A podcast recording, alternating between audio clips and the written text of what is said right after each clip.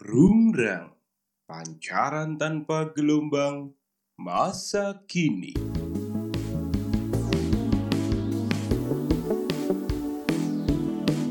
Rungrang.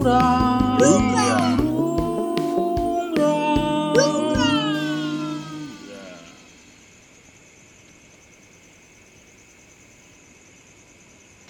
Di kafe itu, ia meneguk kenangan. Ini gelas bir ketiga desahnya. Seakan itu kenangan terakhir yang bakal direkuknya. Hidup barangkali memang seperti gelas bir dan kenangan. Sebelum sesapui terakhir dan segalanya menjadi getir. Tapi benarkah ini memang gelas terakhir? Jika ia sebetulnya tahu, masih bisa ada gelas keempat dan kelima. Itulah yang menggelisahkannya. Karena ia tahu segalanya tak lagi sama. Segalanya tak lagi sama. Seperti ketika ia menciumnya pertama kali dulu. Dulu, ketika dia masih mengenakan seragam putih abu-abu. Saat senyumnya masih seranu mangga muda dengan rambut tergerai hingga di atas buah dada. Saat itu ia yakin, ia tak mungkin bisa bahagia tanpa dia. Aku akan selalu mencintaimu, kekasihku. Kata-kata itu kini terasa lebih sendu dari lagu yang dilantunkan penyanyi itu. I just call to say I love you. Tapi mengapa? Bukan sendu lagu itu yang ia katakan dulu.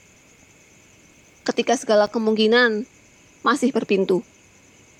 Mestinya saat itu ia tak membiarkan dia pergi. Tak membiarkan dia bergegas meninggalkan kafe ini dengan kecengkelan yang akhirnya tak pernah membuatnya kembali. Waktu bisa mengubah dunia, tetapi waktu tak bisa mengubah perasaannya.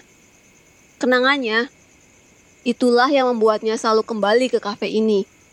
Kafe yang sesungguhnya telah banyak berubah. Meja dan kursinya tak lagi sama. Tetapi, segalanya masih terasa sama dalam kenangannya. Iya, selalu ke kafe ini ia kembali untuk gelas bir ketiga yang bisa menjadi keempat dan kelima.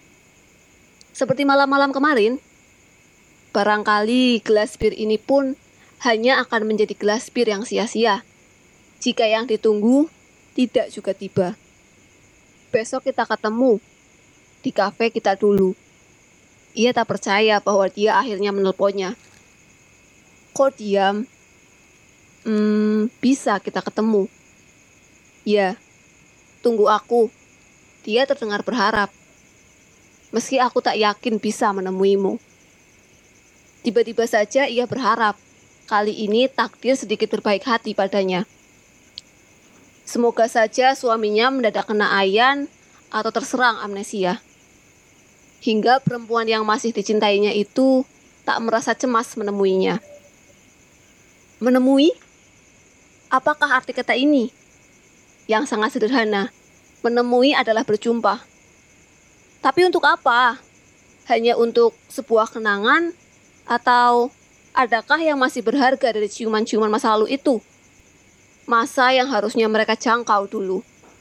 Dulu ketika ia masih mengenakan seragam putih abu-abu.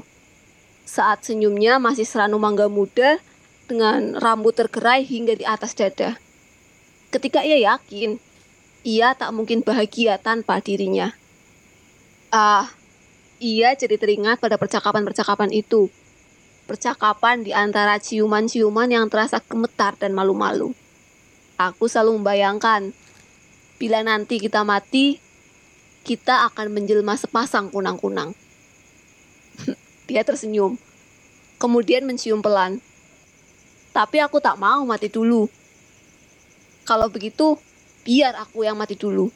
Dan aku akan menjadi kunang-kunang yang setiap malam mendatangi kamarmu.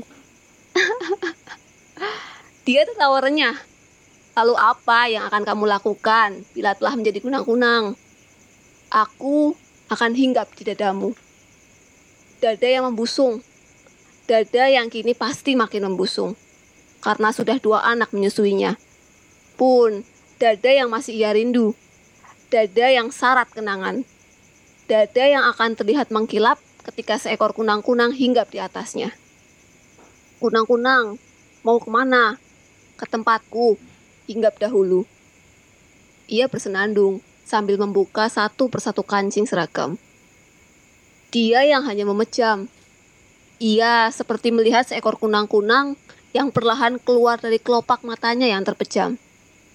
Seperti ada kunang-kunang di keningnya, di pipinya, di hidungnya, di bibirnya, di mana-mana. Kamar penuh kunang-kunang berterbangan. Tapi tak ada satupun kunang-kunang hinggap di dadanya pualam. Dada itu seperti menunggu kunang-kunang jantan. Ia selalu membayangkan itu. Sampai kini pun masih terus membayangkannya. Itulah yang membuatnya masih betah menunggu, meski gelas bir ketiga sudah tandas. Selalu terasa menyenangkan, membayangkan dia tiba-tiba muncul di pintu kafe, membuat ia selalu betah menunggu, meski penyanyi itu telah terdengar membosankan menyanyikan lagu-lagu yang ia pesan. Ia hendak melambai pada pelayan kafe, ingin kembali memesan segelas bir. Ketika dilihatnya, seekor kunang-kunang terbang melayang memasuki kafe. Kemudian kunang-kunang itu berterbangan di sekitar panggung. Di sekitar kafe yang ingar-bingar namun terasa murung. Murung menapak geliat lidah pada tiap jeda tubuhnya. Murung mengharap tiap geliat dilihat tubuhnya mengada. Lagi, di sini, menjadi nanti. Adakah kunang-kunang itu pertanda? Adakah kunang-kunang itu hanya belaka imajinasinya? Penyanyi terus menyanyi dengan suara yang bagai muncul dari kehampaan. Dan kafe yang ingat ini makin terasa murung.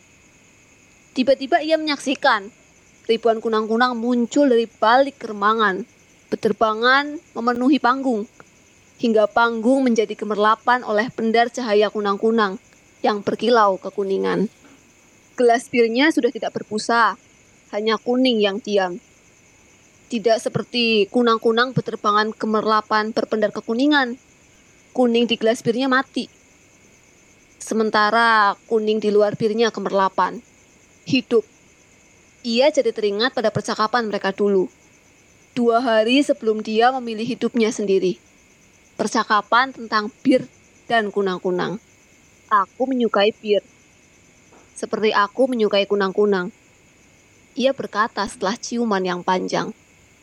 Warna bir selalu mengingatkanku pada cahaya kunang-kunang. Dan kunang-kunang selalu mengingatkanku kepadamu. Kenapa? Karena di dalam matamu seperti hidup ribuan kunang-kunang. Aku selalu membayangkan ribuan kunang-kunang itu berhamburan keluar dari matamu setiap kau merindukanku.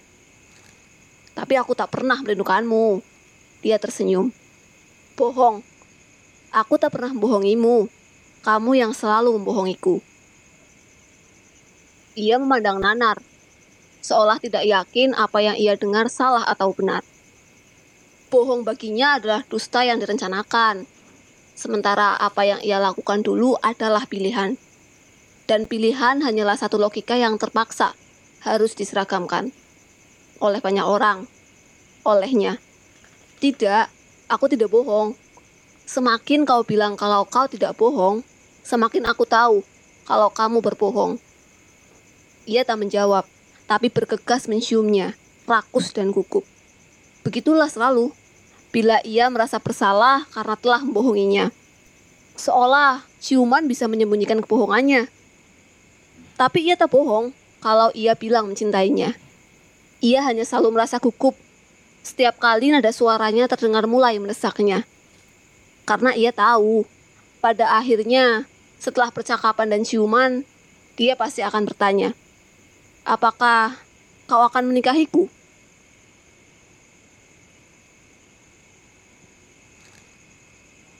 Ia menyukai ciuman. Tapi sungguh ia tak pernah yakin apakah ia menyukai pernikahan. Kemudian ia berteka-teki apa persamaan bir dengan kunang-kunang? Dia menggeleng. Keduanya akan selalu mengingatkanku padamu. Bila kau mati dan menjelma jadi kunang-kunang, aku akan menyimpanmu dalam botol bir. Kau akan terlihat kuning kehijauan. Tapi kita tak akan pernah tahu, bukan? siapa di antara kita yang akan menjadi kunang-kunang lebih dulu. Kita tak akan pernah bisa menduga takdir. Kita bisa meminta segelas bir, tetapi kita tak pernah bisa meminta takdir. Seperti ia, tak pernah meminta perpisahan yang ketir. Aku mencintaimu, tapi rasanya aku tak mungkin bahagia bila menikah denganmu. Hidup pada akhirnya memang pilihan masing-masing, kesunyian masing-masing. Sama seperti kematian. Semua akan mati karena itulah hukuman yang sejak lahir manusia emban. Tapi manusia tetap bisa memilih cara untuk mati. Dengan cara wajar ataupun bunuh diri. Dengan usia atau cinta, dengan kalah atau menang. Pada saat ia tahu bahwa pada akhirnya perempuan yang paling ia cintai itu benar-benar menikah, bukan dengan dirinya. Pada saat itulah ia menyadari ia tak menang dan perlahan-lahan berubah menjadi kunang-kunang. Kunang-kunang yang mengembara dari kesepian ke kesepian. Kunang-kunang yang setiap malam berkitaran di kaca jendela kamar tidurnya. Pada saat itulah ia berharap. Dia tergerakap bangun, memandang ke arah jendela dan mendapati seekor kunang-kunang yang bersikeras menerobos kaca jendela. Dia pasti tahu betapa kunang-kunang itu ingin hinggap di dadanya, sementara suaminya tertidur pulas di sampingnya. Aku memilih menikah dengannya karena aku tahu hidup akan menjadi lebih mudah dan gampang ketimbang aku menikah denganmu. Itulah yang diucapkannya dulu di kafe ini saat mereka terakhir bertemu. Jangan hubungi aku. Lalu dia menciumnya. Lama. Bagi ia, ciuman itu seperti harum bir yang pernah terhapus dari mulutnya. Barangkali segalanya akan menjadi mudah bila saat itu diakhiri dengan pertengkaran seperti kisah dalam sinetron murahan. Misal, dia menamparnya sebelum pergi. Memaki-maki, kamu memang laki-laki bajingan. Atau kata-kata sejenis yang penuh kemarahan bukan sebuah ciuman yang tak mungkin ia lupakan.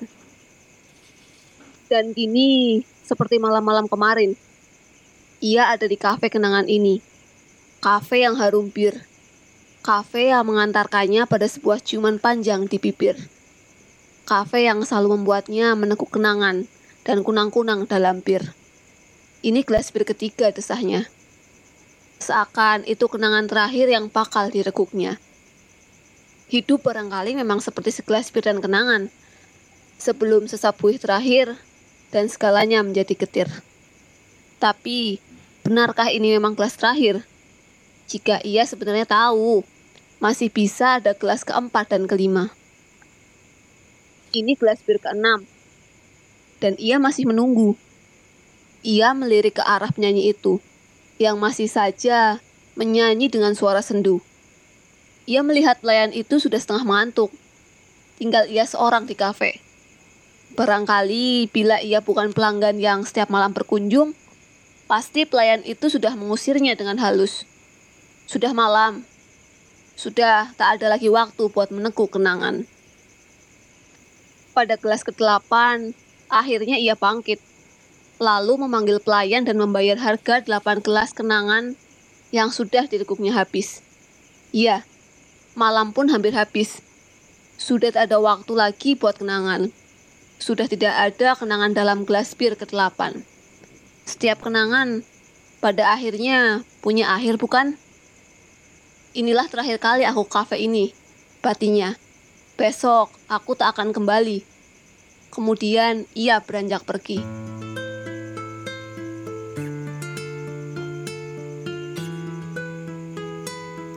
Malam makin mengendap. Tamu terakhir sudah pergi. Diam dan setengah mengantuk, para pelayan kafe membereskan kursi. Bartender merapikan gelas-gelas yang berkelantungan. Sebentar lagi, penjaga malam akan menutup pintu. Pada saat itulah, terlihat seekor kunang-kunang memasuki kafe. Kunang-kunang itu terbang melayang berputaran.